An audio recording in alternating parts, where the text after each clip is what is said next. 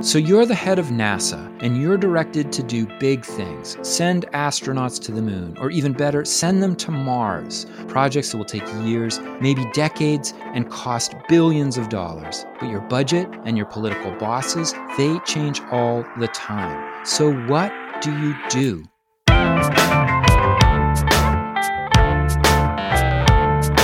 It's time to eat the dogs. I'm Michael Robinson. Today, Glen Asner and Stephen Garber talk about NASA's efforts to plan ambitious missions in the face of huge political and financial challenges. Asner is the Deputy Chief Historian for the Historical Office, Office of the Secretary of Defense. Garber works in the NASA History Division at NASA headquarters. They're the authors of Origins of 21st Century Space Travel, history of NASA's decadal planning team and the vision for space exploration, 1999 to 2004. Glen Asner and Stephen Garber, thanks so much for talking with me. Sure, thank you for having thank you. us. So, in February 2003, the Space Shuttle Columbia disintegrates while re entering the Earth's atmosphere. I was wondering if you could talk about what caused this accident and how did it impact the space program? Sure, sure. Well, it's certainly a watershed moment in the U.S. space program and at NASA. Basically, what happened was at launch, there was a small piece of foam insulation that broke off from the external tank. And uh, it basically punctured a hole in an area on the wing. And when the vehicle came back on reentry, the super hot gases that were flowing around the vehicle from the friction coming in through the atmosphere seeped into that hole and then destroyed the orbiter. Hmm.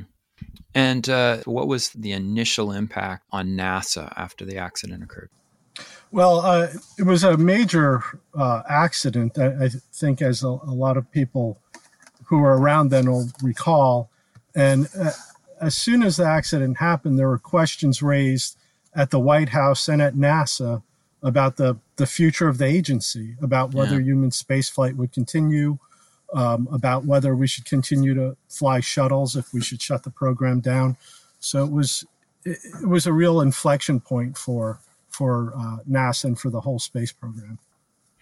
So, a year after the Columbia disintegrates, President uh, George W. Bush comes up and comes out and announces the vision for space exploration in 2004. What were the goals of that program?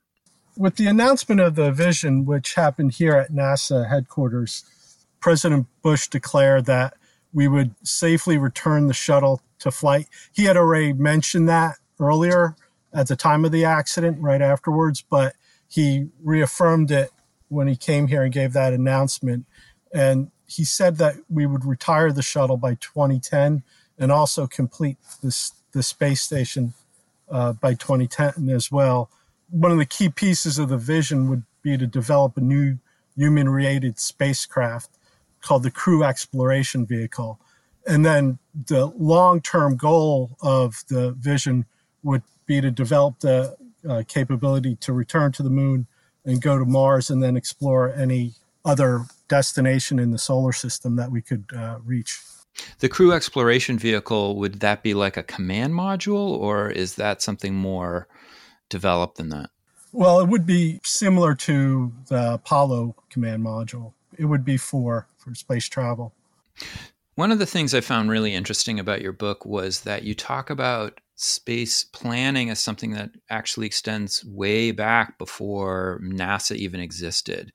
You talk, for example, about Wernher von Braun, the German engineer uh, who ended up designing the Saturn V rocket. And right. he puts forward a series of articles, I think, in Collier magazine. Right which come to be known as the von Braun paradigm. And you say that this really lays out a kind of step by step sequence of exploring space.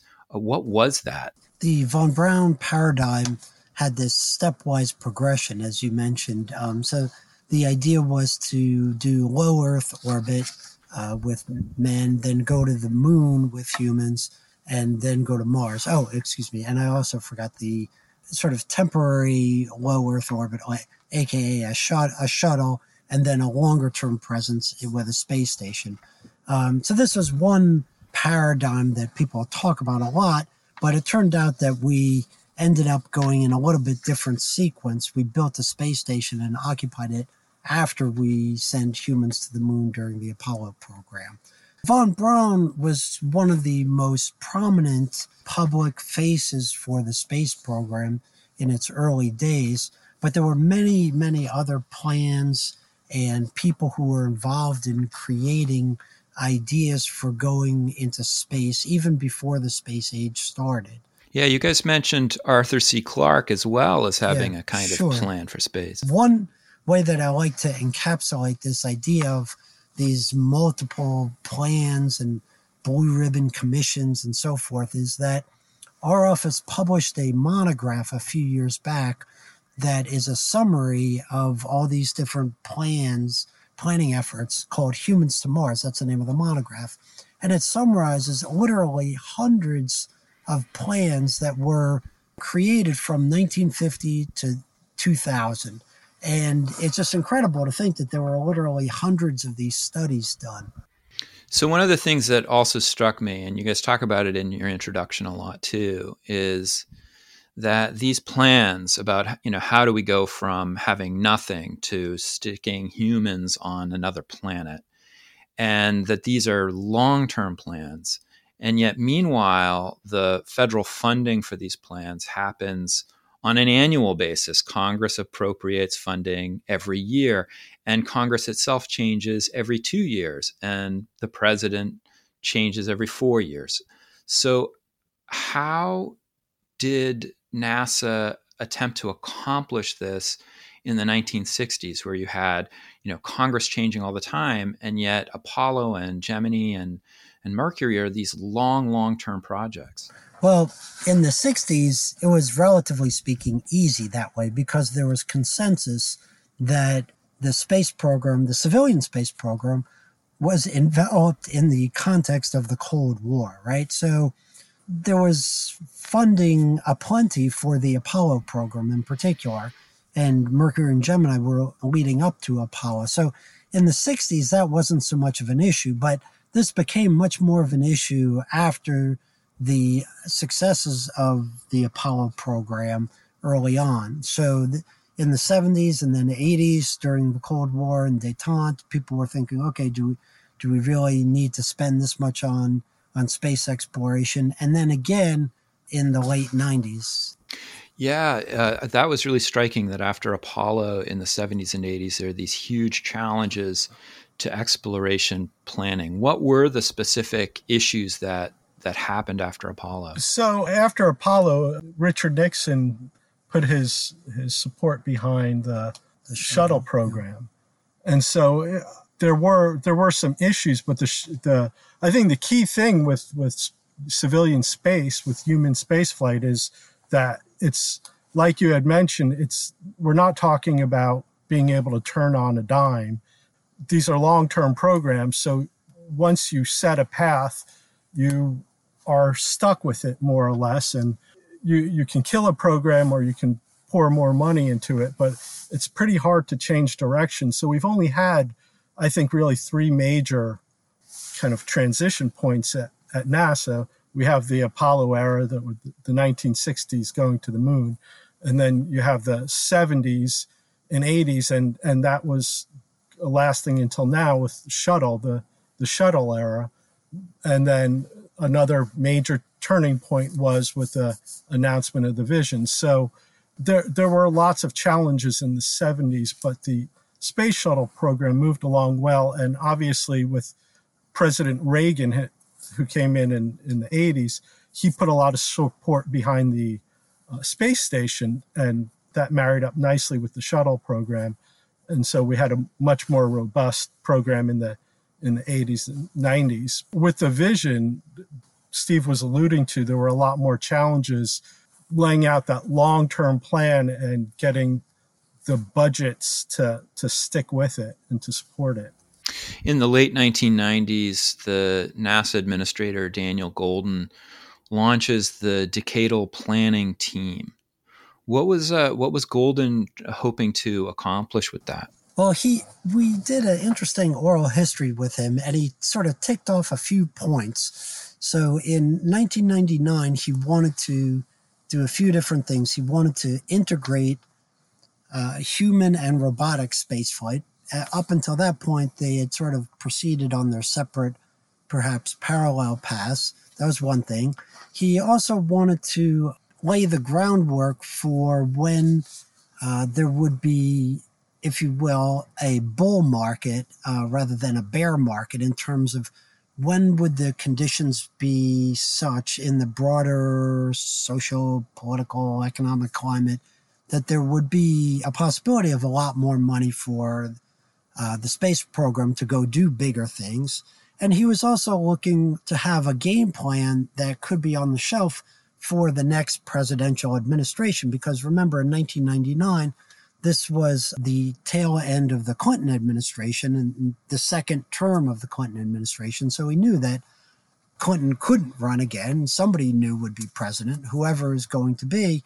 He wanted to have a game plan in place. And the fourth thing that he ticked off uh, when we talked to him was that he wanted to have a really substantive rationale for doing deep space exploration, and in particular, sending humans to Mars. He, he wanted to have sort of a, a watertight rationale or explanation that the layperson could readily understand rather than just sort of a, if you'll pardon the expression, sort of a fanboy enthusiasm for that. Yeah. One of the things it was it would seem to me would be really hard if you were the NASA administrator or one of the members of this uh, decadal planning team is you're you're trying to set forth this vision for what happens next, maybe over a long period of time for these very big, very complicated programs.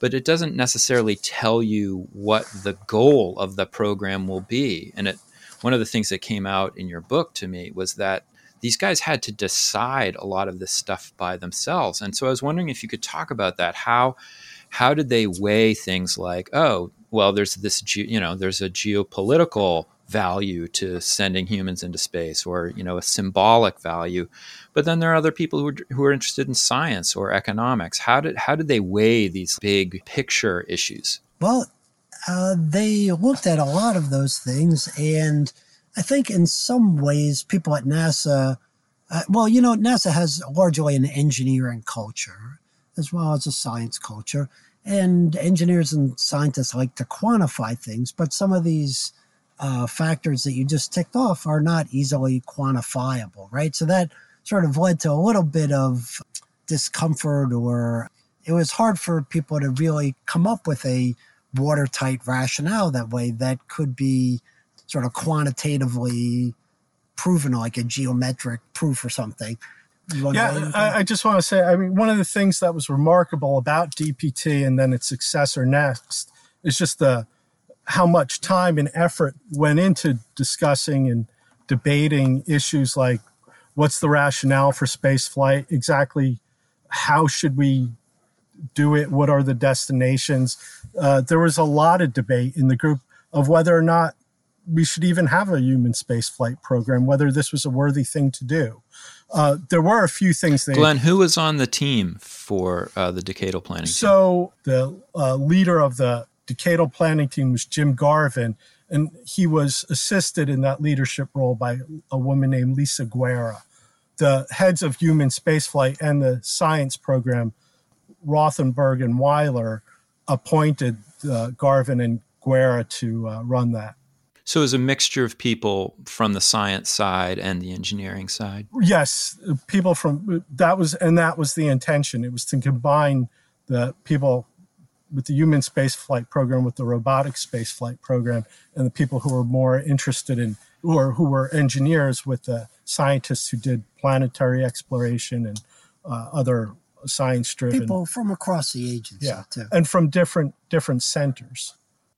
Yeah, the centers thing was an interesting point for me because I was thinking that as DPT is trying to figure out this kind of long term plan, there are all of these like real world issues that would affect it. I mean, the biggest one, of course, is things like, you know, congressional funding. But then you talk about how the different NASA research centers have their own agendas and they have their own interests when it comes to pushing forward different ideas, long term ideas.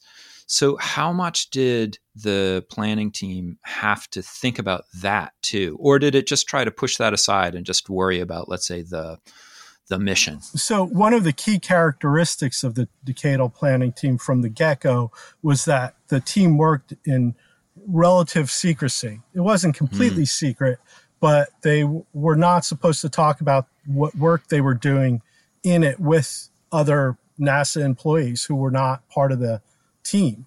So that gave them the freedom to really have these wide ranging uh. discussions. Where was uh, so so in 2003, as we talked about in the beginning, Columbia is destroyed in this reentry disaster, and the decadal planning team's already started its work.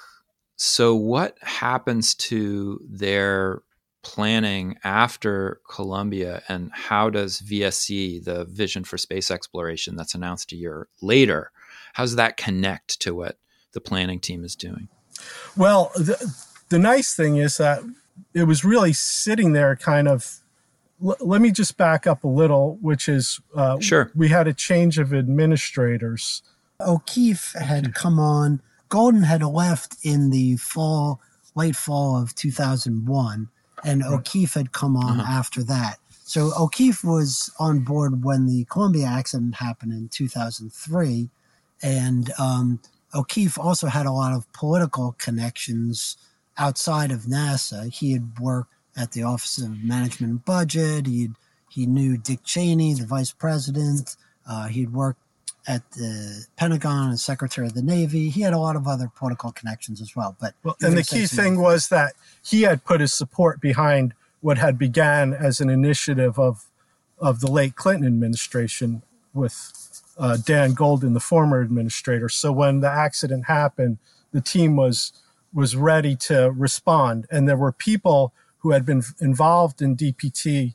Most importantly, the person from the Office of Management and Budget who had given the initial funding for the decadal planning team. Mm-hmm.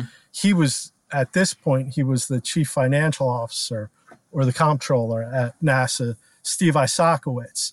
And he was a member of the leadership team of, of the agency. And so when NASA and the White House started talking about what the agency would do after the accident, what space plans would look like, long-term space plans.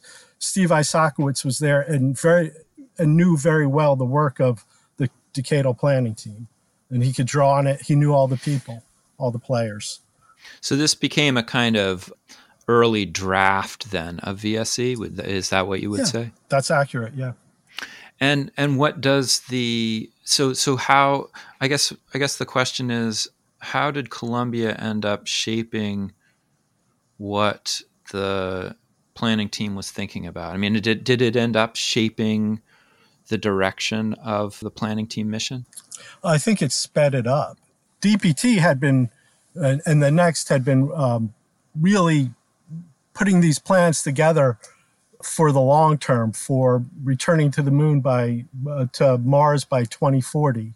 They weren't expecting to implement anything at the national level. Um, so the accident really just accelerated the timeline a lot. It did shift quite a few things too because it, it brought people from uh, the White House into it, and and also there was a national attention where we you know had the Columbia Accident Investigation Board that also put its weight behind a new direction for for the space program. Right. It it also, uh, if I may, it also crystallized things in terms of, as Glen alluded to before, some people were questioning should NASA fly humans in space, and if not, after the Columbia accident, and if not, then sort of what was NASA's main mission in life, if you will, as an agency because we were sort of known for human spaceflight. But if it wasn't safe to fly people in space anymore, then what were we supposed to be doing at NASA?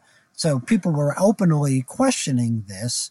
And that obviously had very serious implications for the agency, but it was quickly turned around because President Bush at the time uh, made a public statement shortly after the Columbia accident where he said, We will return to flying people in space. And so some of the uh, policy people within the White House who were working on this could point to that and say, look, the president has already put his weight behind this. So arguing that we should bis- disband NASA, that's not going to go anywhere. You're arguing against the president then. Yeah, it's it's interesting how you have a group of people who are trying to do very practical things, but then right underneath the surface, there's this kind of big existential question about you know should we be sending humans into space and what are we trying to do right. these are really you know big big questions and i actually want to get back to something about the planning team when it when it was developed in the 90s was it developed because of a feeling that NASA needed, like that something wasn't being done, that in, that there wasn't enough funding, and that we needed a kind of planning team in order to direct it more efficiently, or that there was drift in the mission? I mean, what was the what was the I guess the inspiration for trying to do things differently? Well, Steve had us already laid out why Dan Goldin wanted to set up the team, but there was a context that we didn't quite fully allude to, which is it, it was at a time where we had both successes and failures in the space program. Failures of the Mars Climate Orbiter and the Mars Polar Lander in the 90s but we had these tremendous successes and these tantalizing bits about Mars with the, the Mars rock that was found. And then uh, John Glenn flew on the uh, space shuttle, and the Mars Pathfinder mission was, was successful as well.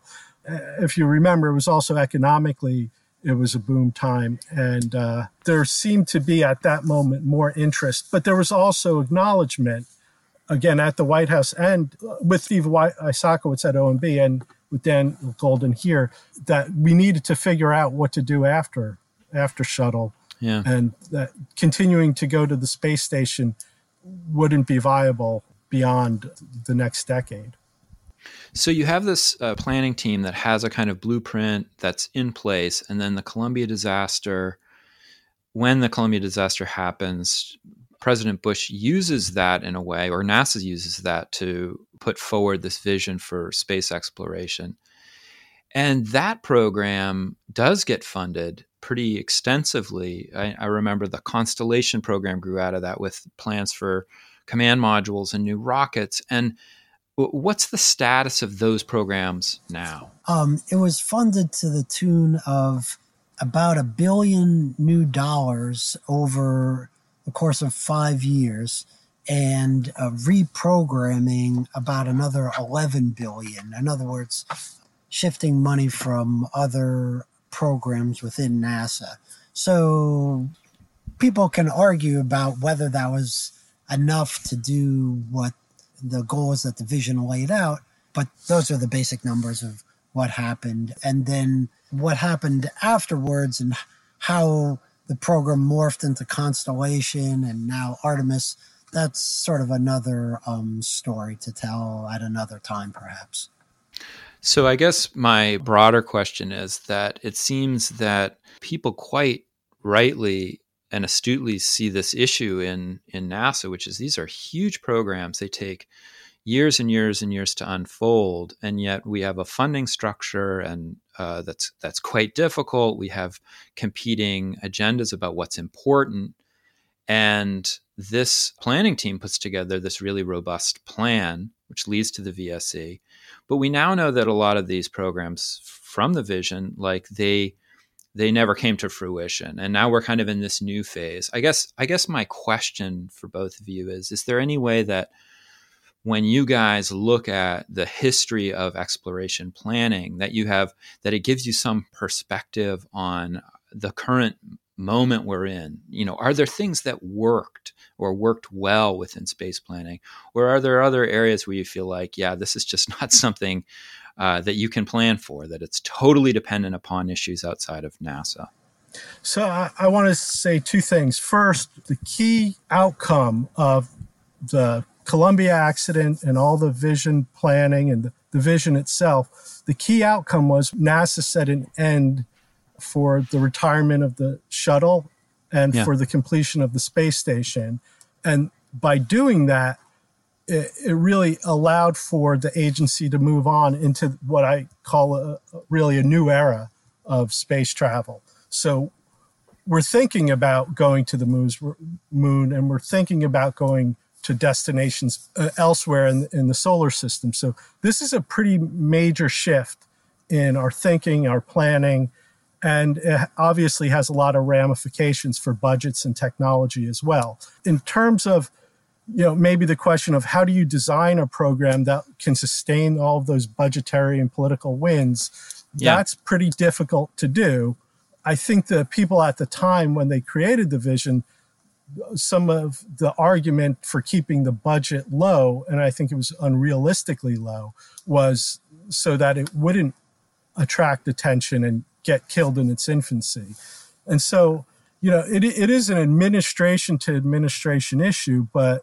there's been a, a fair amount of um, sustainability in terms of what the long-term goals are. You can make a decision between a moon of Jupiter or Mars or our moon as a destination, but in terms of going back to the past, we're, we're not doing that. We're still moving forward with these new technologies and with this new idea about humans will go beyond low Earth orbit. Right, and Yeah. I would also I would also emphasize that um, some of the people on the decadal planning team were sort of aware generally of this problem of long term planning being so difficult because it requires so many resources and the ups and downs of of uh, congressional funding and political wins and so forth.